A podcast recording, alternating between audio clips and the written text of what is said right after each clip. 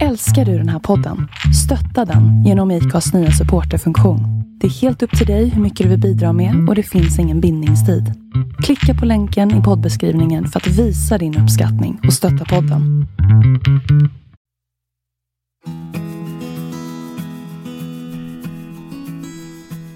Hallå Jonas! Hallå, hallå, hallå. Hej och välkomna till våran podd som vi har kallat Själsligt. Och du är Kerstin? Och du är Jonas. Mm. Och vi bör, brukar börja, ibland bara är vi så taggade innan. Det betyder inte att vi inte är taggade nu, men ibland är vi sådär fullt med någon speciell energi så vi hoppar bara på. Men egentligen ska vi alltid undra lite grann hur vår själ mår idag. Eh, istället för bara fråga hur mår du? Utan hur mår din själ idag Jonas? Eh, den... eh, Den mår förändrad från tidigare idag. Alltså du och jag, vi sågs lite tidigare idag. ehm, I en handelsträdgård och hade jättetrevligt. Mm. Um, åt lunch. Eh, och um, apropå det här som vi ska prata om idag så det är inte alltid att jag är medveten om vad som händer när jag är i bland mycket människor. Mm. Mm. Nej, Jag är inte alltid liksom, herregud, jag är inte perfekt, långt ifrån. Långt ifrån. Eh, och då kan det bli så att jag kommer hem och så känner jag att jag har ont i huvudet och jag är helt slut. Och då betyder ju det oftast för mig att, att ehm, någon har tankat på mig. Så. Mm. Och jag har inte varit vaksam. Och, Ja. skydd, och skydda mig. Mm. Ehm, men det kan jag snabbt hämta tillbaka och det har vi då spenderat en liten stund innan vi började och, Mm. och göra det. Och tack vare din medvetenhet och din, dina lärdomar Mm. har du väl lärt dig att förstå att det inte är dig, liksom, du vet, du som människa, utan att det är någon som... Något som har hänt utan, i ditt fält, liksom, eller utanför dig själv. Mm. Ja. Om man ska förenkla det lite grann innan jag frågar hur din själv mår. Så när vi ändå är inne på det så är det här sker ju i allra högsta grad undermedvetet hos människor. Att, ehm, vi har pratat om det förut lite grann att, att ehm, när jag som, um, ska jag säga, ehm, Högkänslig. nej, alltså jag tänker på motparten. Mm. Ehm, när man inte har tilltro till att man har tillgång till sin egen energi Mm. så är det lätt hänt att man kopplar upp sig på någon annan. Omedvetet många gånger. Absolut. Ja. Eh, och eh, jag som har fullt förtroende för att jag har tillgång till min egen energi Mm. blir ju en, en, en bra bensinmack kan man ju säga. Mm. När man tankar. Eh, och så kopplar man upp sig omedvetet Mm. och, och um, apropå den här ordleken vi hade förra, förra gången. Det här när man delar på saker. Jag tycker om det, du vet det här med hata. Mm. Och om man separerar det. Hata. Ha och ta. Ja, åh, ja, herregud. Ja, det har jag inte ens tänkt på. Ja. Nej. Eh, Och det är det som sker i mig. Man hatar inte varandra, men man har, tar. Ja. Mm. Mm. Och det kan ibland ske utan att jag ens tänker på det. Som idag. Mm. Eh, Men eh, jag har plockat tillbaka det. Ja. Och nu är det annorlunda hur det var innan. Men det är, det är jättebra. ja. Mm. Och, och jag vill haka in i det här för nu har ju Jonas och jag känt varandra i 30 år tror jag. Mm. Helt otroligt. Men i våra tidigare relation där jag inte... Ja, ni vet, vi var unga, ska, ska vi säga sådär. Eh, och jag inte riktigt visste vad Jonas pratade om överhuvudtaget. Så, för det var inte min energisfär. Och jag var väldigt otrygg i mig själv. Då, då, sa han, då sa du det någon gång, inte han, utan du sa det till mig någon gång. Att i det undermedvetna människor vill ofta någonting av dig. Eh, och naturligtvis, och jag menar många av er som lyssnar där ute kommer säkert känna igen sig. Vi har haft ett möte och man är jättetrött efteråt och fattar inte riktigt varför. Och här har ni en av förklaringarna. Punkt slut. Och som sagt, är vi inte medvetna om att det sker och hur det känns liksom. Då, då förstår vi inte riktigt att vi faktiskt ganska snabbt kan hämta hem oss igen också. Men, men då, då kom jag ihåg när du hade sagt det till mig. Jag var så orolig att jag ville någonting. Du vet sådär, mitt Mm. undermedvetna. För jag, var så här, jag, jag tänkte ofta då i det tysta. Jag vill ingenting av Jonas, jag vill ingenting av Jonas. Jag var så rädd att det skulle ta någonting från dig som jag vet att du inte ska ge. Så. Och såklart, jag vill ju ibland någonting av Jonas, men då är jag ganska tydlig i att jag vill det. Och jag tror att det, det vet du ju också såklart. Annars skulle vi inte sitta här. Annars skulle det vara dödstrött varje gång vi har poddat. Liksom. Herregud. Ehm, men det är en väldigt spännande dag på det sättet, eller hur? Att få se Jonas vara så trött. Liksom. Ehm, och sen gjorde vi, lekte jag lite, jag kan ju bli lite barnslig. Ehm, men han hämtade hem sig på sitt sätt som han vet att han ska göra. Plocka ihop sig. Och nu sitter vi här. Och din själ då Kerstin? Eh, Min själ idag, den är fylld med, på ett sätt, den är faktiskt lite fylld med magi. Jag har haft en sån där vecka och ni som lyssnade förra gången, det har bara fortsatt. Det är som om, om jag har vissa perioder där jag är väldigt tillgänglig em, i min själ för jag ser saker och ting, jag upplever saker och ting. Jag, jag, jag blir väldigt uppkopplad, om jag, det är mina ord i det. Vi, vi har pratat om det, en annan vibration, en annan dimension. Men väldigt så det mjuk och nyfiken. Och, ehm, jag kommer säkert referera till det. det har, och i det, i det tillståndet lyssnade jag då på Björn Natthikos um, ehm, ehm, prat på TV, TV4. Och jag tycker så mycket om honom. Och när han sitter där i sin fullständiga närvaro, det glittrar i hans ögon. Och det var du citerade Schuberts... Det var Schubert va? Hans dikt. Det Jaha, är man det förra veckan? hjärtat, Mm, finns... Eh, vad fasen var det? Det var... själens glitter. Någonting ja, sådär. ja, stjärnor. stjärnor. Mm. Och jag såg hans ögonen också, Björn Nattiko då. Och det var bara... Man behöver, kroppen kan man glömma bort liksom. Jag såg bara hans ögon under hela samtalet. Men därför, min, min själ är sådär, mm, den är, mm, så. Mm. Och då kom jag också på det vad vi skulle prata om idag. Och vi var ju, jag tycker förra avsnittet was it, that was it. På ett sätt. Um, that was really it. På, på mänsklig varande. Ehm, meningen med vårt liv. Så vi ska prata om någonting som är lite mer konkret. Som jag tror de flesta människorna av oss känner. Har en upplevelse av. Många, många människor är väldigt rädda för det. Ehm, vi ska prata om ensamhet idag. Och varför vi ska prata om det, det var bland annat som Björn Attigo, eh, han sa en mening i sina 40 minuter där han pratade. Och han sa ju, jag trodde att han var min mun någonstans när han talade för jag, jag, det var så jag.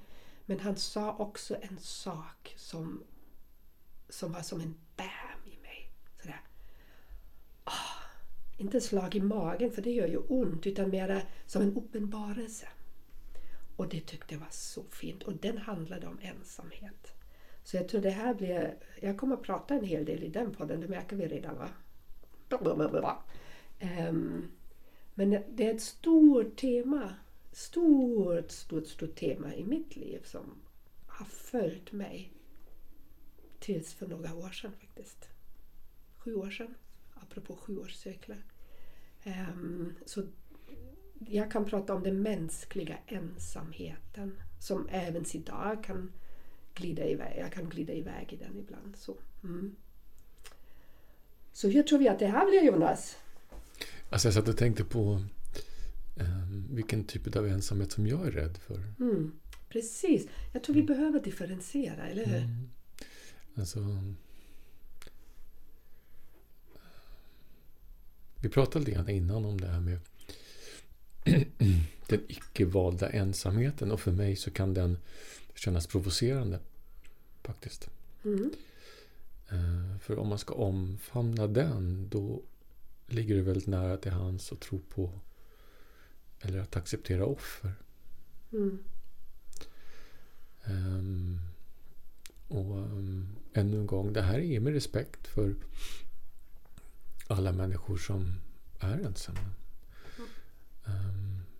För ensamhet behöver inte bara vara en känsla utan ensamhet kan faktiskt vara ett faktum. Mm. Um, men jag tänker att innan man har hamnat där så borde man ju rimligtvis ha gjort några val Mm. i livet. Du hoppar direkt in nu Jonas. Ja, alltså Vad jag, är ensamhet egentligen? ja ensamhet är ju eh, frånvaro av, av sällskap. Nej, men, eh, nej, men alltså sällskap är ju faktiskt inte bara närvaret av andra människor. Um, sällskap kan även vara närvaro av mig själv. Precis, jag tänker e- ensamhet är en upplevelse av någonting, eller hur? Ja, alltså jag- tänker omedelbart på människor som um, sent i livet, äldre människor som upplever en stor ensamhet. Ehm, där kan jag väl någonstans till viss del förstå att, att den inte är helt och hållet självvald. För det kan ju vara så att människor som har stått en nära har dött. Mm. De finns inte kvar. Mm. Ehm, men parallellt så kan jag väl också tycka att, att ehm, eller känna att, att eh, om jag känner livsglädje, om jag känner hopp, eh, då ligger det inte så himla långt bort att skapa nya kontakter. Mm. Och jag vet, ni kommer, kanske många av er kommer sitta där ute och tänka okej, okay, there's a difference between alone and lonely. Mm. Är Rent fysiskt ensam. Mm. Ehm, eller den upplevelse av ensamhet, som du säger, den ofrivilliga Mm. ensamheten som, som vi lider under. Just det. Alltså, eh, ehm, den typen av ensamhet som jag är rädd för, ehm, det är att åldras själv. Inte att åldras ensam. För det är två olika saker för mig. Mm. Att åldras själv för mig är att ehm, eh, leva utan en tvåsamhet. Mm. Ehm, jag tycker om att bli äldre med någon som jag tycker om. Mm. Eh, och det är den typen av rädslan som jag har. Mm. Är inte det där, om jag får haka i, eh, en rädsla som egentligen är grundläggande för mänskligheten? Jag tänker att eftersom det var för vår överlevnad, vi kunde inte överleva själv. Mm. Om vi tänker på grottmänniskor. Just det. På, jag tror jag citerar, jag citerar inte honom eftersom jag kan inte citera. Men jag lyssnade på hjärnforskning. Och han, han går mycket längre steg. Vi tror att vi vet någonting om människor men egentligen väldigt mycket av det vad vi är har att göra med eh, våran, början av vår mänskliga existens. Och det finns ju någonting i att vi inte i, i männi, människans själ att vi inte vill vara ensamma och inte ska vara ensam för då hade vi inte överlevt tidigare. Du menar att, att ehm, den rädslan jag beskriver handlar om slags primal... Ja. Mm. Mm. Och det är möjligt att en sån rädsla finns i alla av oss. Mm. I vissa mera på ytan. Mm. Kanske när vi, speciellt när vi har jobbat mycket med oss själva. Jag vet inte det. Jag, nu slänger jag bara ut teorier och tankar Mm. som vanligt. Eh, Men det kan ju vara så där. Men jag misstänker att det är ju en primal rädsla. Mm. Så. För annars... Jag går ju inte in i det men om du frågar mig liksom säger jag bara såklart vill jag inte bli gammal ensam. Nej. Eh, jag, jag går inte in i rädslan för då tänker jag okej då får jag ta tag i det när det är dags. Liksom. Så. Och jag tänker att jag dör före min man. Men, men det kan ju hända saker så jag har ingen aning om det. Eh, om det kommer bli så. Men jag går inte in i den.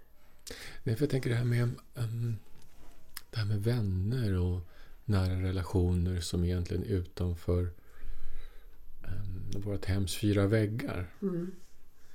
Ehm, där är jag inte ett dugg rädd. Ja, Det är också spännande. Nej, jag är inte ett dugg rädd. Alltså, där vet jag att, att ehm, eh, det finns flera människor som, som jag har fullt förtroende för skulle svara på mitt behov av icke-ensamhet. Mm. Det, det är jag övertygad om. Mm. Ehm, Och med den vetskapen och den tryggheten så eh, känner jag mig aldrig ensam på det sättet. Nej. Det gör jag inte. Mm. Eh, Men sen så finns det ju då det här med... Alltså jag pratade med en um, människa igår. Det här med ensamhet i relationer. Ja, precis. Det, och det är en, en annan sorts... Kan, vi bara, kan du tro också att det kan vara en primal rädsla? Den där ensamhet, att, att, vara, att inte ha en nära relation till, sig själv, till en partner. Ja, alltså, nej, alltså jag tror ju att, att ehm, om du känner dig ensam i en relation med någon annan och det är ju ehm, inte en alltför ovanlig beskrivelse av relationer och Mm. äktenskap. Ehm, jag tror att utifrån hur jag tänker i alla fall, det, det kan ju vara olika för olika människor. Men för mig så är det nog så att att, att eh, om du upplever dig ensam i en tvåsamhet Mm. Så tror jag att vad som fattas det är ju du. Hmm. Då blir jag nyfiken. Om, om du, vänta, jag måste bara en gång till. Eh, om du känner dig ensam i en tvårelation, varför fattas du då? Nu Ehm, går min kognitiva in där. ja, alltså jag tänker att, att ehm, om inte du är där Mm.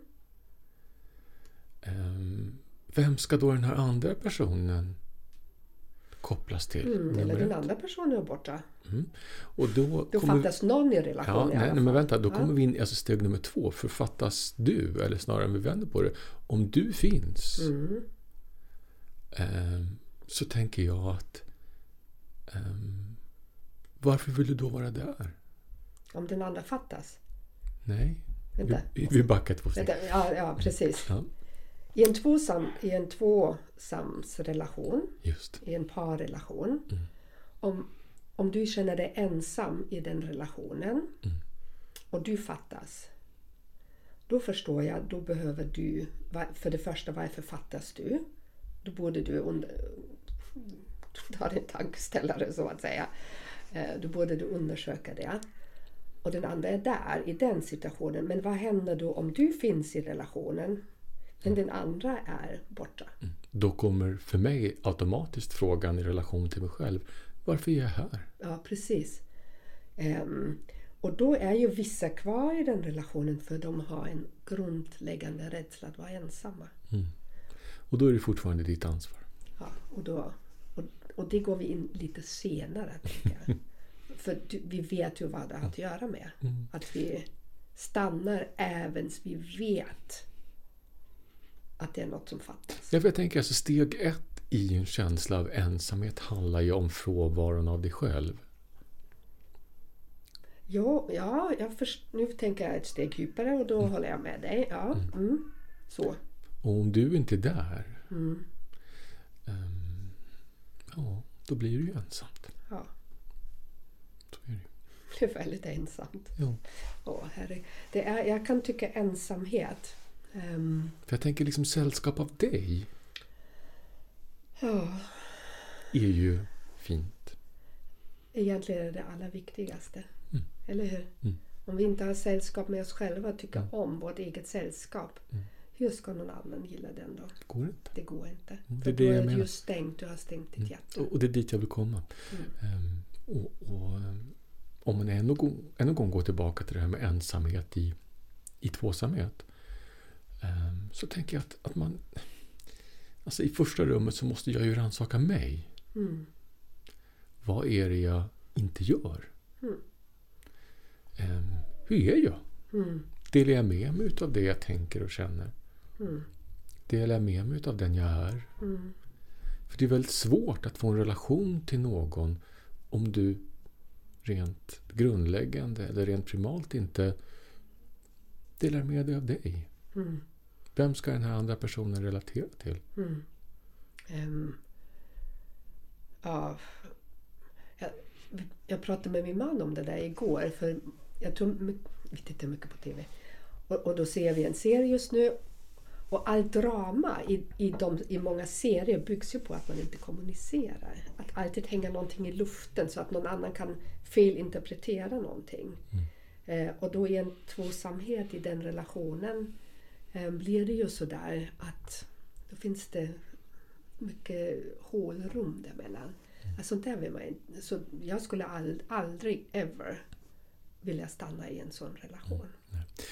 För, för jag tänker att så du vill ju leva i en kärleksfull relation? Ja, men alltså, det, det, för det är precis som du är inne på. Att, att den känslan av rädsla bygger ju antingen på brist på självrelation mm. eller på rädsla. Mm, precis. Rädsla av konsekvenserna. Mm. Att när... vara ensam. Ja. Även man är ju redan ensam. Ja, men det kan ju faktiskt finnas andra områden um, som, som um, man är rädd för. Ja. Förutom att, att, att inte ha någon att sitta och prata med vid matbordet. Så. Mm. Såklart, det är ju konsekvenser. Så, så är det. ju större konsekvenser än bara ja. Ja. det direkta. Liksom. Ja, det kan ju handla om mm. ekonomiska. Ja. Det kan handla om, du kanske har barn. Mm.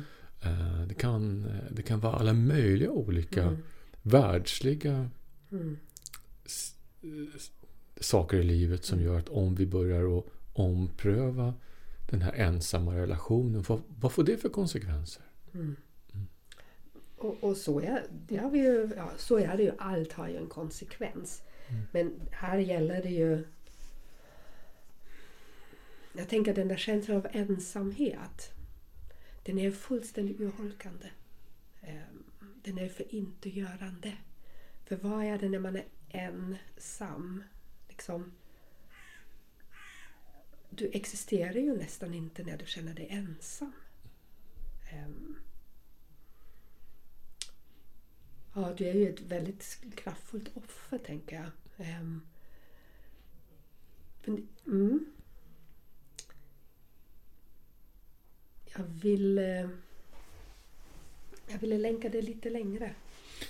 För om vi ska backa till, ja. till min tanke om grundorsaken till varför vi upplever oss själva som ensamma handlar ju väldigt mycket om det som jag varit inne på. Bristen på självkänsla och självförtroende. Mm. Um, och, och, det är ju våran, det är ju hur vi definierar ensamma också. Mm. Misstänker jag. Mm. Um, obse, jag, när vi skulle prata om ensamhet då sa jag till Jonas det här blir mitt avsnitt. jag är expert på ensamhet. och, och det, jag tror att, eller jag vet att det är så det är. Eller det, det har stämt in i mitt liv. Det är någonstans mitt my thing. Um, min grej är ensamhet. Jag, jag, undrar hur mycket jag har utforskat den kan jag säga på alla håll och kanter. Och det kan jag förstå.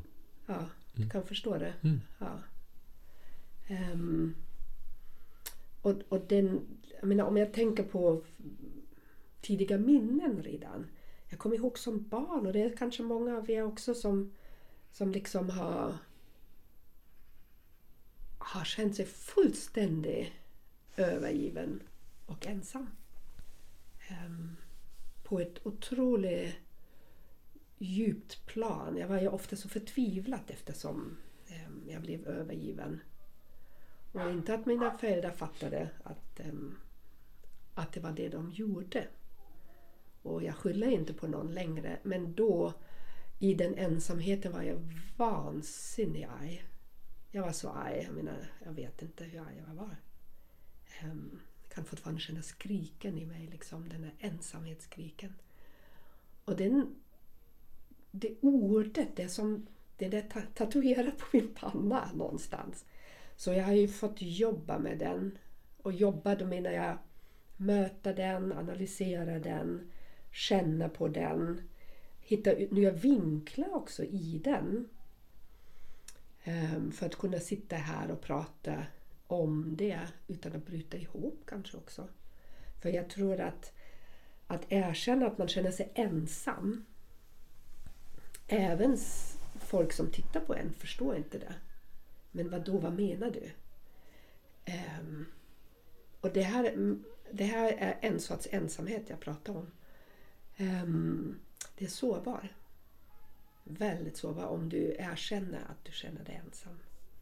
Kan vi stanna där en stund? Ja. Och, nu, nu kommer jag ställa lite Mm. nära frågor. Ja, Och så får du säga stopp när du inte har lust. ja, jag misstänkte väl att det skulle bli så här.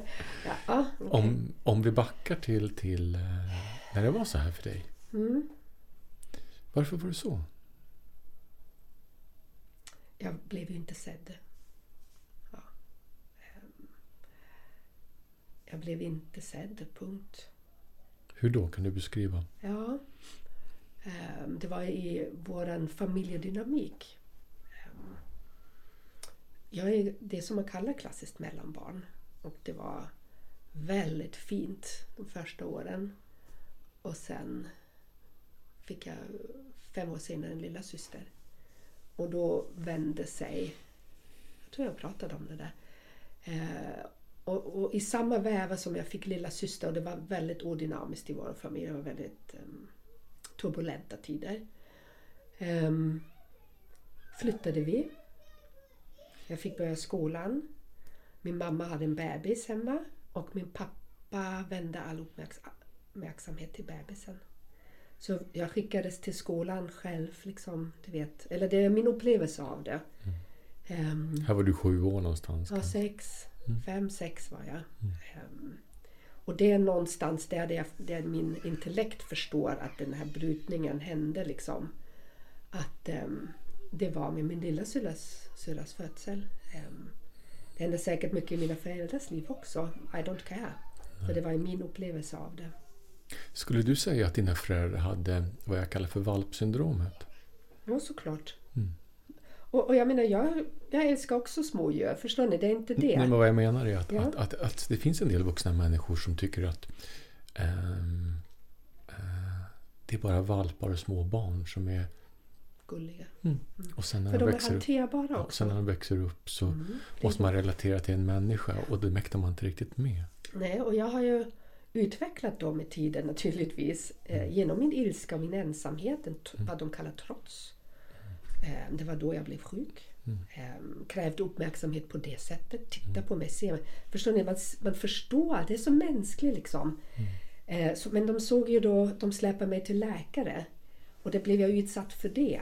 Eh, och skickade på ett sanatorium. Så istället för att känna mig inbäddad i någonting blev jag ännu mer ensam i, i den utsattheten. Ehm, så det och sen flyttade vi hela tiden, eller ofta. Så det var liksom... Ja. Det är så det var. Så ensamhet det... Och har man varit mycket sjuk som jag har varit, mycket på sjukhus, mycket hemma liksom. Jag hade handikappsbevis och var alltid sjukskriven när jag var runt 20. Det, det, ja, man, man utvecklar en sorts ensamhet och den andra ensamheten vill jag prata om lite sen. Eller vi kan prata om det nu. För det ena är liksom Kerstin, människan, som verkligen kände sig fullständigt övergiven och, och tyckte faktiskt var ganska synd om mig. Och jag, men framför allt var jag väldigt arg. Jag var så arg, alltid och frustrerad. Eh, sen finns det någonstans, och det tyckte jag Björn Nattiko beskrev så fint, det, det var där det BAM kom.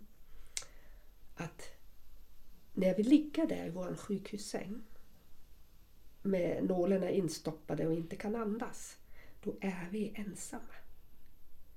I oss själva. Vi är ju ensamma i, i den mänskliga formen. Sen kanske vi har tillgång till vår andlighet. Men i det ögonblicket, i en sånt där sanningsögonblick, jag kan inte säga det, det finns en ensamhet i det. När människan lider och har smärta. Det är ingen som kan ta ifrån mig det. Jag är ensam i den. Ehm. Och jag tror att det har jag upplevt många gånger.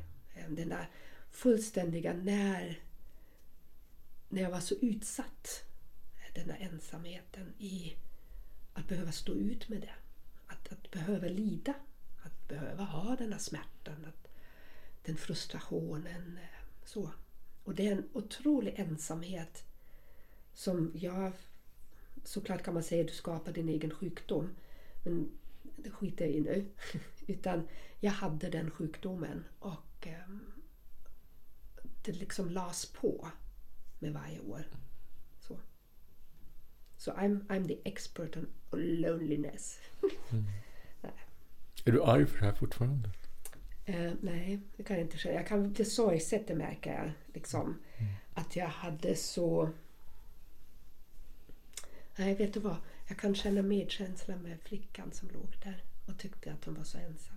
Det kan jag bli sorgset över. Liksom, att, att hon inte bemöttes på ett annorlunda sätt. Då. Min mamma var ju där. Men min mamma är inte den mjuka, varma rösten. Hon, hade, hon kunde inte hjälpa mig på det sättet utan var ensam i det där jag var. Så. Mm. Ta ett djupt andetag. Ja, för det finns ju två grupper som jag har som jag vurmar lite extra för och det är ju barn och äldre. Eh, Och det är ju två stycken grupper som, som man kan väl säga ehm, har en särskild risk för att bli utsatt. Mm.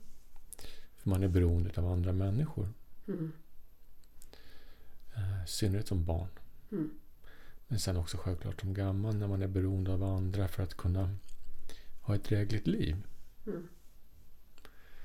Ehm, och märk väl, det är en enorm skillnad på att vara ensam och övergiven. Som barn Mm. är det lättare ehm, att man råkar ut för övergivenhet. Mm. Ehm, och jag tänker på också min egen barndom, för jag var ju fruktansvärt övergiven som barn. Så. Ehm, av andra orsaker än du. Mm. Ehm, och, och ehm, det har ju självklart också skapat en ehm, under många, många år så var det här en, en ilska, Mm. precis som du beskriver. Mm. Eh, hur fan kunde ni alltså? Mm. Så. Eh, så får man ju någonstans... Alltså jag hade ju förmånen att få, få kunna gå och prata i många år och få, och få möjlighet att, att kunna liksom på något vis mala ner det här i beståndsdelar som är hanterbara. Jag fråga dig, har du gjort en sån där primalskrik någon gång? Nej. Har du det? Ja. Har du det? Herregud. Mm. Jag kommer fortfarande ihåg känslan. Apropå, förlåt. Mm. Men man har ju olika möjligheter. Mm. Ehm, så. Mm. Nej, det vågar jag inte. Jag är rädd för att bli av med min braiga röst. Du blir av med många saker där kan jag säga. Jag bara skojar. Ja. Mm. Mm. Så ja, alltså vi, vi kan ju också börja livet en, ensamma Mm. eh, och i värsta fall övergiven. Eh, och och ehm, det finns också risk för att vi avslutar livet så. Precis. Mm. Tack Jonas, det var så fint. Det, och det mellan är faktiskt livet. Mm. Ehm, för det, jag tror att den ensamheten som vi har, eller övergivenhet. Jag vet inte om jag var över, ja, övergivenhet har jag säkert också känt många gånger. Ehm, när jag lämnades på sanatorium. Jag vet inte, vad, vad är den skillnaden då mellan ensamhet och övergiven? Eh, övergiven är mycket, mycket, mycket värre. Ja, jag förstår det. Det är mycket värre. Ja. Ensamhet är ju till stor del situation som är självstyrd. Övergiven är ju inte det. Ja, men då var jag övergiven många gånger faktiskt. Mm. Ehm, Och ingen som, konga, som fångade upp mig. Nej. Så. Ingen i närhet. Även som sagt hos mig var det helt andra omständigheter men Mm. de blev ändå så för man sa att det var bra för barnen. För alltså när du och jag växte upp, då tänker jag att man kan tillskriva en hel del av det här i brist, brist av kunskap. Brist av kunskap. Mm. Samhället sa att det var... Jag tänker alltid när samhället säger det här är evidens och så där gör vi. Mm. Jo, det var det då också. Mm. Och sen har man fattat efteråt att det kanske var inte så bra att göra vissa saker. Va? Så ehm, hmm, man får vara lite försiktig Mm. med att leverera sådana sanningar. Liksom. Mm. Utan just nu vet vi inte bättre. Nej. Egentligen, eller hur? Nej. Sen om tio år kanske man säger något helt annat igen. Mm. Men ja, och den över, såklart när vi, är, när vi är barn, när vi är unga, vi kan ju, vi, vi bara glider runt och försöker hantera det. Och det är som du säger, jag tror många av oss reagerar med ilska. Det ser vi ute i samhället också. Det är inte bara du och jag. Utan mm. Många ungdomar liksom, de kan inte hantera sina känslor. Att vad som bubblar i dem. Liksom. Um, och de blir inte mötta i det vad de behöver. Liksom. Mm. För det vet vi att ilska det är ju sorgens skydd. Så. Ja, mm. frustra, ja, sorgens skydd, precis. Mm. Det var någon som sa till mig Kerstin, du måste sörja klart. Och, ja. Men så är det ju. Mm. Um, vad händer när vi släpper ut ilskan? Um, vad blir det av den? Mm. Det är ja. olika för olika människor. Så är det säkert också. Men mm. det, jag, jag, mist, de, jag vill ändå påstå att gräver du väldigt djupt är det sorg. Mm. Eller du borde ha en sorg. Det är en sorg över det vad du inte har fått. Du måste få sörja liksom. Det, det, det lilla barnet som inte blev sedd. Eh, inte omhändertagen, inte skyddat. Som sagt, det, det är där vi börjar ta ansvar, eller hur? För det. När vi ser att vi som vuxna eh, behöver eh, sörja. För menar, där kan ju du och jag vara tacksamma att vi blev arga. För det finns ju faktiskt de som vänder det Ja. Att man imploderar och, och, och blir självdestruktiv istället. Då. Ja. Um, och det, det, är ju, det är ju långt värre. Det är långt värre. Jag, mm. jag tror vi har pratat om det här i podden någon gång när jag, när jag skulle i gruppterapi bli arg. Och jag tänkte Jihi, äntligen jag kommer bli av med allt nu. Och sen blev jag bara en blöt fläck på marken. För då mm. imploderade jag och då fick jag förståelse för att ilska inte alls behöver vara de där orden eller den där elden eller bomben som vi släpper ute. Utan att den kan gå precis och ta bort som en livsande ur oss. Det är som en Urholkande. Fullständigt urholkande. Det var en mm. ganska scary upplevelse faktiskt. Eller mm. ja, då tyckte jag det var lite skrämmande. Mm. Um, att känna det. Att jag som är så utåtagerande mm. plötsligt var, en, var ingenting. fanns ingenting i mig. Nu slutar vi att gegga runt i vår eländiga barndom. För det. Nej, nej, nej. Men, men, jag tror att det... Jag tror att... För det första handlar det ju om att förstå att, att det är så det är. Mm. Att vi är många. Finns de flesta... Jag menar, vem har inte känt sig ensam någon gång? Eller kanske övergiven. Mm. Vi är väldigt många. Annars skulle vi bara gå runt och glänsa någonstans. Mm. Och det är ju inte det som livet är. Um, och sen har vi olika bakgrund och olika berättelser. Men, men saken är ju, och det är ju det med ensamhet, det är ju det är ju en otroligt förtärande känsla. Det förtär ju mm. människans liv. Kan vi inte vända och vrida mm. på det här lite grann? Jag tänker på det här med kognitiva ensamheten som vi som vuxna kan ha. Mm. Eh, att vi rent socialt känner oss ensamma. Mm. mm. Um, och att vi kanske rent socialt är ensamma. Mm. Så. Um, för det är ju inte ovanligt. Nej, inte alls. Då, jag tror ensamheten, socialtjänsten sa det till mig, det är mm. liksom samhällets stora gissel. Det är en folksjukdom. Det är en folksjukdom. Det vet vi om. Ja. Och, och, där finns det ju faktiskt för mig två sätt att se på det som det alltid gör. Då. Mm. Um, man kan se det som det rent kognitiva utifrån. Att, att um, man är ensam på grund utav det kan vara en kulturell bakgrund här i Sverige. Man kanske inte talar språket. Mm. Det kan vara att man kanske är på ett sätt som, som um, människor har svårt att relatera till. Det kan vara Absolut. psykiska handikapp. Absolut, fysiska. Eh, sociala mm. handikapp och så vidare.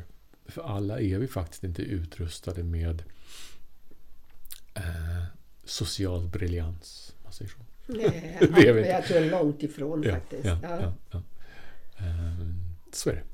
Um, men jag tror ändå att, att liksom någonstans i det här så um, det enda boten eller den enda medicinen emot den här typen av ensamhet det är ju att försöka titta på hur kan jag förändra min situation?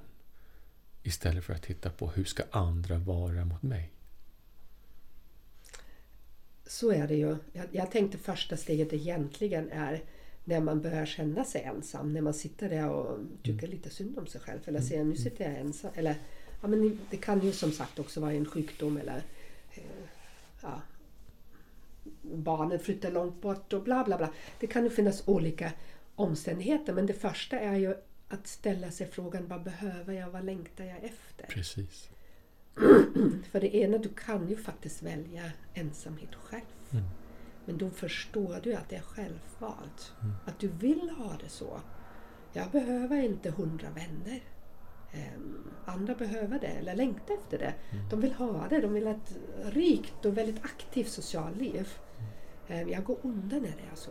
Ehm, så det är ju liksom första fråga sig vad är det som jag behöver och vill ha och längtar efter. Eller hur? Mm. Sen får vi fylla det vad vi längtar efter. Ja, för det är självförtroende från två håll, eller självkänsla från två håll. Antingen så blir du bekräftad och du blir någon utifrån eh, eh, vad du är. Mm. Eh, märk väl, inte vem du är, utan vad du är. Mm. Det kan ju handla om att du har en social status. Du kanske är gift med någon viktig person. Eller du kanske mm, ehm, Du kanske är på ett sätt som ehm, är vad man kan kalla förr i tiden för salongsfähig. Att man, Ja, jag har ju på tyska också. Salongsfähig. Ja, nej, men ja, att man då är liksom socialt bra. Jo, och det, det, om jag är helt ärlig, då var det någon gång min före detta kollega som sa Kerstin, det kan man släppa av i Kina. Och du skulle kunna prata med folk och babbla och hitta din väg hem. Och så är det antagligen. Det finns en sida av mig som är så. Att man är en social tillgång i vad man kan kalla för sociala evenemang. Så kan man säga. Precis, i sociala miljöer. Ja, Ja, ja, absolut. Man är en krockkudde för att allt blir bra. Det, det, det är en aspekt och det är ju liksom det. Det är ju att bygga huset med skorstenen först, eller, eller taket först. Eller så vänder man på det och, och så tittar på ehm, det här med, med vänskap och relationer utifrån mina egna behov som du pratade om innan. Vad behöver jag? Ehm, vad vill jag ha? Mm. Hur vill jag att det ska vara? Precis. Och innan man kan svara på de frågorna så måste du veta Vem är jag? Mm. Vad är jag värt? Vad behöver jag? Och sen också, jag tror att det där med självvärde. Det är ju inte så enkelt alla Det är tider. skitsvårt! Men, men att man är ju värd liksom att, att ha vänner. Det är ju alla av oss, oavsett vem vi är. Liksom. Vi är värda att må bra också. Vi mår ju allt annat ändå. Men vi måste få ha de där goda dagarna också och känna oss sedda och glada och, och ja, vad det än kan vara. Så, vi är värda i att någon tycker om oss. För här finns det ju också då ytterligare en dimension i det här, apropå det här med rädsla. Ehm, ehm, att välja att inte ha sociala kontakter kan ju också handla om rädsla för att bli lämnad. Abs. Jag tror där har vi kruxet. Eller där har vi grejen. Och det vet jag från egen familj också i närheten. Ehm, vi- vi, har, vi har blivit sårade någon gång. Vi kanske gick runt med öppet hjärta. Eh, välkomnade något eller vad det än var. Och sen blev vi sårade. Och då stängdes hjärtat. Apropå det där jag sa att inte vara ensam betyder också att man är sårbarare. Eller man borde vara det, annars får ju ingen komma in i oss. In till oss. Men jag tror att det är det som är det stora problemet. Liksom, den här rädslan av att bli sårad. Att någon annan ska göra illa mig. För det är ju faktiskt så att, att, att jag är övertygad om att alla människor måste ha mänskliga kontakter. Jag tror att alla människor måste ha mänskliga relationer. De som säger att de inte behöver det snackar skit. Ja, ja, ja. Det Bokstavligt talat snackar finns skit. inte. Apropå våra primala behov. Så är det. Eh, Och om man inte har det här då kan man många gånger härleda det till nummer ett, rädsla. Mm. Eh, eh, eller om man nu inte har mänskliga relationer så kan man självklart också handla, härleda det till eh, um, att, att um, jag tänker på det här med om man vänder på självkänsla och självförtroende så... så Mm. äh, äh, Narcissister tänker ja, jag. Ja, men då är det ju en... Om, om jag nu väldigt, väldigt enk, förenklar det här, då är det någonting f- inte balanserat i din hjärna. så är det. Så. Så är det. Ibland kan jag inte uttrycka mig politiskt korrekt så ni måste ursäkta mig. Men då är ju någon, någonting eh, som, som brister. Mm. Så. Så är det. Ehm, och då behöver vi inga, då har vi inga relationer på det sättet, inte emotionala relationer. Vi kan ju ha affärsrelationer Ja. eller nyttorelationer.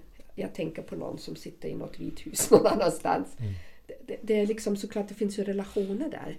Men det finns ju inga känslomässiga anknytningar till. Nej, för den typen av mänskliga relationer som jag tänker på, det handlar ju om att, att man kan anförtro sig någon när man känner sig ledsen.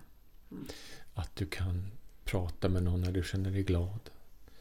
Att du kan längta efter någon. Mm. Ehm, att att eh, det kan finnas en trygghet i att han eller hon eller hen finns där när jag behöver. Mm. Men då, då är det som vi pratar mycket om, det är ju hjärtat som är öppet då. Mm. Ehm, och som sagt, då behöver vi våga vara sårbara. Mm. Ett öppet hjärta betyder att någon kan lämna oss och då kanske gör det ont. Eh, och då är det vissa som stänger hjärtat för det gör för ont. De vill inte känna det en gång till. Eh, när någon sörja är väldigt hårt då kan jag säga vad fint. För då har du älskat. Så. Du tillåter dig att känna. Eh, det är vackert. Men ja, den ensamheten som som jag inte... Jag, jag, jag, tror- jag, det känns lite vi behöver gå tillbaka till den där icke självvalda som Ja, vad händer med den? Tänk dig om du ligger nu, om, om det händer mig någonting och jag ligger ensam då i min lägenhet. Men jag skulle aldrig göra det. det så Nej, men alltså jag tänker, alltså, ja, förstår du? Ja. Den första frågan som skulle komma till mig är om jag hamnar i en sån situation. Det är att jag måste ju fråga mig själv. Är jag en människa som jag vill umgås med? Ooh. Ja, den, den ställer mig. Och så tänker jag, ah, jag vet inte riktigt Kerstin. Ja, men du vet när jag själv, väldigt självkritiskt tänker, men herregud. Hello. Så. Nej, nej men jag, jag skulle vilja umgås med mig. Varje dag? Nej, det kanske inte. Nej, inte jag heller. Alltså inte med dig, men med mig. Ja, Alltså, men vi jag, kanske ska inte ha de där kraven heller. nej. Ehm, för det är så det är liksom. Vi har de bättre och de dåliga dagarna men nu pratar vi ju om den stora, den stora ensamheten. Liksom. Ehm, den som, som är övergiven, den som vi får kanske med oss från barndom som jag pratade mycket om tidigare. Eh, vad kan vi, det var jag ville säga, att vi kan faktiskt transformera den. Vi behöver inte bära den med oss hela livet. Alltså jag, tror att alla, jag tror att alla förutsättningarna för att kunna göra det. Det tror jag.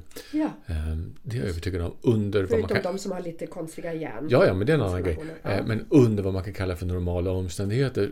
Men som det är nu idag så förstår jag att, att eh, för det här vi lever i nu eh, med den här pandemin, det är en extrem situation så det blir en parentes till. Mm.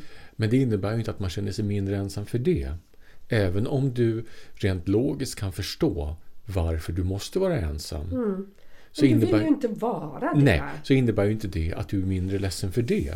Nej, och då tänker jag då får man vara ledsen för det var fint. För då vet man att man längtar efter någon annan. Mm. Men för en del kanske det blir Över, överväldigande. Jag, Överväldigande. jag förstår. Jag menar, ni vet, ibland är det teoretiskt. Ehm, och jag, jag kan förstå när du sitter... Eller jag förstår... Vi kan ju gå in i det, men jag kan inte förstå att vi... Att, ehm, att jag inte skulle få besöka någon på, som är väldigt nära mig i ålderdomshemmet på grund av en pandemi när den människan är... När den personen och skulle vara min mamma exempelvis. Hon är 88 år, hon är halvt dement. Och jag skulle inte få besöka henne på ett år. Finns inte hos mig. Det är på riktigt. Jag vet inte. Jag, jag läste om den där mannen som tog ut sin mamma från ålderdomshemmen och Mm. satt henne på hotell. Men, men ja, det, det där är för mig omänskligt. Omänskligt. Men det är en parentes kan Det är man ju säga. parentes. Det är en parentes. Och de människorna måste känna sig otroligt förvirrade och ensamma. Och såklart när vi inte får kramas. Nej. Mitt hjärta blöder verkligen Ja. för dem. Verkligen. verkligen. Eller på, jag tänker ibland också på sjukhus. Liksom. Mm. Ehm, är det inte så där man ska föda själv? Eller vissa saker, liksom, man får inte ha besök. Mm. Det, det, jag tror att man skapar trauman i samhället. Tror jag. Eh, för jag känner, jag menar när nu var det annorlunda när jag födde för då hade jag inte gått i terapi än. Men, men nu när, när jag skulle sitta, ligga där i smärta. Jag skulle vilja röra vid någons hand. Jag skulle uppskatta att någon pratar med mig. Eh, även så jag kanske inte kan göra någonting.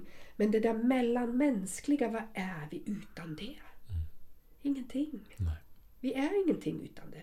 Vi behöver, jag menar, taktil massage. Man, man vet ju allt det där. Vi behöver beröring. Vi behöver ehm, närhet. Att kunna höra någon annan andas. Det är kanske det vi, vi när vi tänker på tvåsamhet också. Det är att höra en annan människa att andas. Att höra livet bredvid sig eller i sin närhet. Nu fick jag också att någonstans sticka iväg på ett sidospår. Ehm, vi pratade ju innan om, jag, innan jag avbröt om det här med den ofrivilliga ensamheten. Mm. Ehm, hur... ehm, jag tänker på... Hur tänker du att man kan uppmuntra människor som upplever den att förändra det? Vad ska man göra? om, om jag har förstått frågan rätt finns det för mig en sak och det är ju den människan som känner en, of, som en ofrivillig ensamhet. Det är ju den som inte känner att den behöver ta ansvar. Hur då? Är det det? Eller har Ja. jag förstått frågan fel nu? Är jag ute och snurrar? Ofriv... Tänker nu du på de gamla människorna? Alltså ofrivillig ensamhet tänker jag kan uppstå eh, egentligen i vilken ålder som helst. Ja, nej. Okej, då, då tänker jag nu, nu min stackars mamma. Men, men ibland blir det så tydligt när man tänker på någon. Ehm, Det är kanske överrepresenterat bland äldre, så kan man ju säga. ja, Eh, av av, av ehm, rent praktiska orsaker. Att, att eh, om man är 88 år så kanske ens bästa polare här börjar men samtidigt, hon- min mamma då, hon vet att om hon skulle vilja, om hon skulle vara aktiv och gå ut och möta människor. Det skulle inte vara något problem för henne att träffa andra människor, att göra någonting, allt det här. Men hon väljer att inte göra det.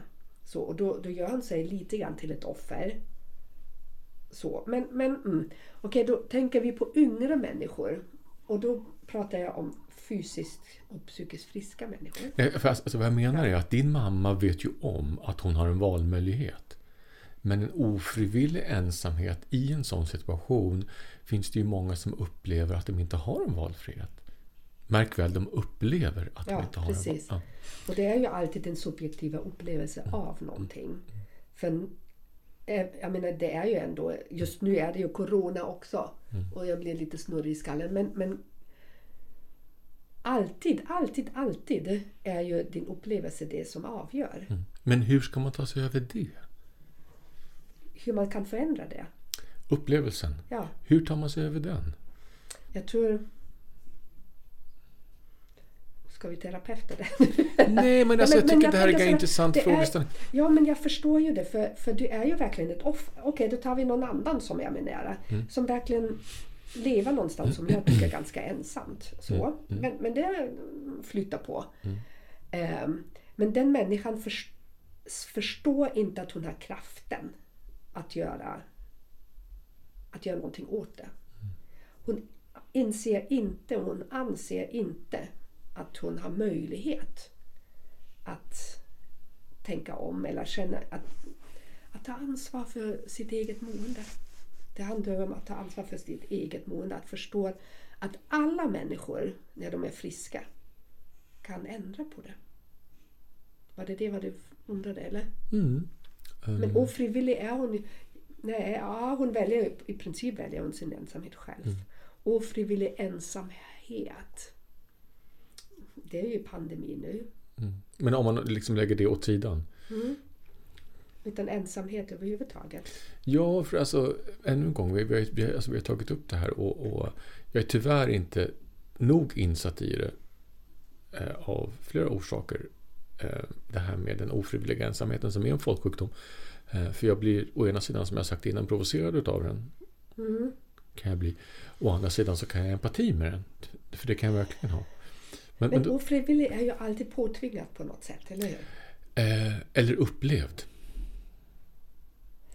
Ja, precis. Men jag tror du måste differentiera det här, Jonas. Jag tror du måste Ja, du och jag kan ju göra det, Ja. men den som, upp, alltså den som är i det och definierar sin ensamhet som ofrivillig ensamhet Ja, upplever bara- ju att de inte har en bara- val... Ja, ja, de upplever ju att de inte har en valmöjlighet. Jo, och, och där tänker jag alltid, och det här är på riktigt och från mitt hjärta och själ.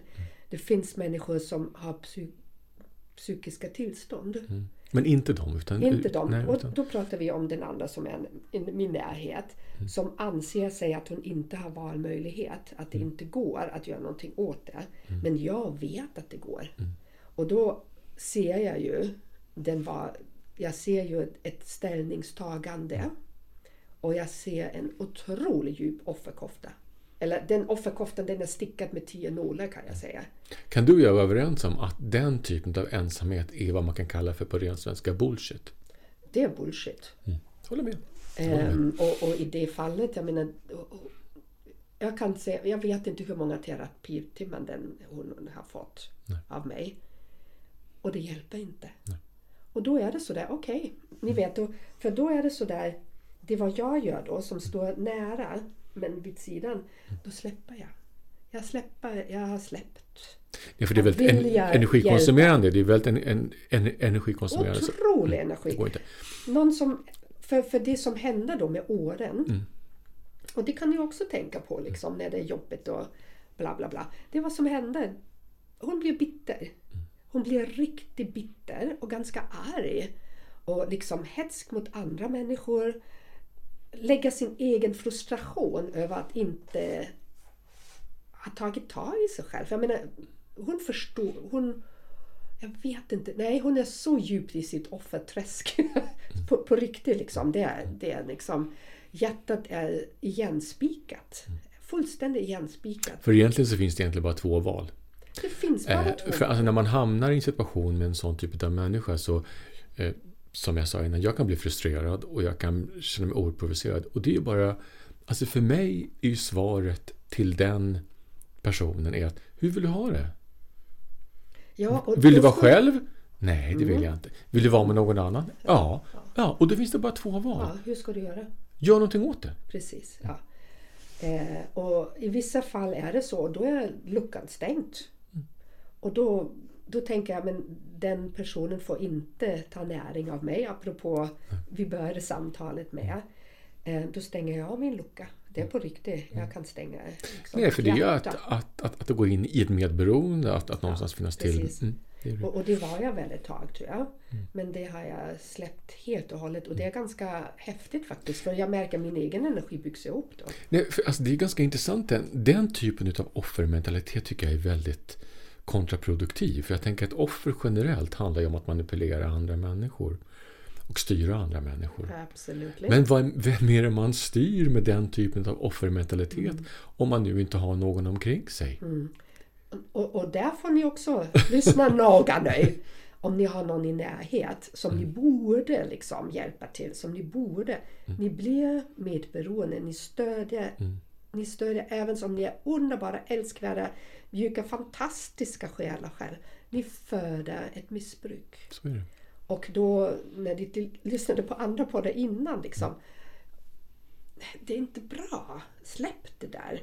Ehm, släpp det för, för det tär på dig. Det tär på den som vill väl. Och den andra gör ändå ingenting åt det. Så du, du, du slösar ut liksom hela din energi. Åt vad? Åt ingenting. Och du blir kanske... Det enda som händer är att du blir frustrerad. För du har ju velat och du märker att det händer ingenting. Och sen håller du på och år och år och år och jag blir sådär... Det får vara nog. För um, offer för mig är lite grann som att likställa med ett drogberoende. Uh, Mm. Det finns väldigt lite som du eller någon annan kan göra så länge inte viljan finns i den det berör. Mm. Och det blir så fint. Jag vill glida in i en annan... Att vi, jag ville egentligen glida in i att vi aldrig är ensamma. Men vi måste avsluta det där med offer. Det är precis som du säger Jonas. Offerkofta är faktiskt ganska äcklig. Det är tung. Den är mörk. Och den gynnar ju ingenting. I synnerhet här, för jag ännu en gång, jag tycker att att vara offer i en ensamhetssituation är ju fruktansvärt kontraproduktivt. det, det, hjälper ju ingenting. Nej. Och offer, det är så fint att säga men hon har gjort det eller han har gjort det Mm. hon har sagt det. Och jag blev bara så här, men här är min Jesus. Mm. Du vet så. Snacka om spiral neråt. För till Ja. slut, vem ska du, vem ska du gnälla inför? Ja, precis. Finns men ingen kvar. i ärlighetens namn tog det mig många år, Okej. Mm. ganska, ganska många år, att inse att det enda som är ansvarig för allt i hela det jag är, everything, det är jag. Jag kan inte skylla på offer, att, att komma ur den och också öppna med det hjärtat och inte känna sig ensam. Det, då behöver jag ta ansvar för hela mig och då släpper jag kraven eller förväntningar eller någonting på mina föräldrar, För på mina typ- syskon, på min partner, på mina barn. Eh, det är stort att, att förstå liksom att genom att jag blir hel i mig själv är jag aldrig ensam. För, för då är hjärtat så öppet. Så. För den här typen av ensamhet som vi pratar om nu, där passar ju verkligen dramatriangeln in. Offer, räddare, förövare. Eh, och du ska ju vara räddare. Och den här människan är ett offer. Och när du försöker göra någonting så blir han eller hon provocerad. Och då blir du en förövare. Ja. Och så där dansar vi runt. Och ännu en gång där så tror jag att den enda ehm, det enda man kan göra som medmänniska är att hoppa av den här dramatriangeln. Men jag tänker alla krig eller sånt där, ni vet Mm. sådär, all det där mörka som finns på jorden. em, Det här handlar ju, den här ensamheten vi pratar om är ju verkligen den mänskliga, Den sociala den ensamheten. sociala Just det, just det. ensamheten. Just det, just. För jag skulle så gärna avrunda det här att min själ, den är aldrig ensam nu för tiden. Ever. Nej. Inte min heller. Det är lite, lite, Ja, men- eh, lite hur? överbefolkat ibland, höll jag på att säga, i mina själsliga dimensioner. Eh, men det är bara trevligt. Men aldrig ensam med, eller hur? Nej, Nej. aldrig mer. Så ni, ni hör liksom hur det är ju... Igen, det lå, jag kan tycka det låter lite komplext men så är det ju inte alls.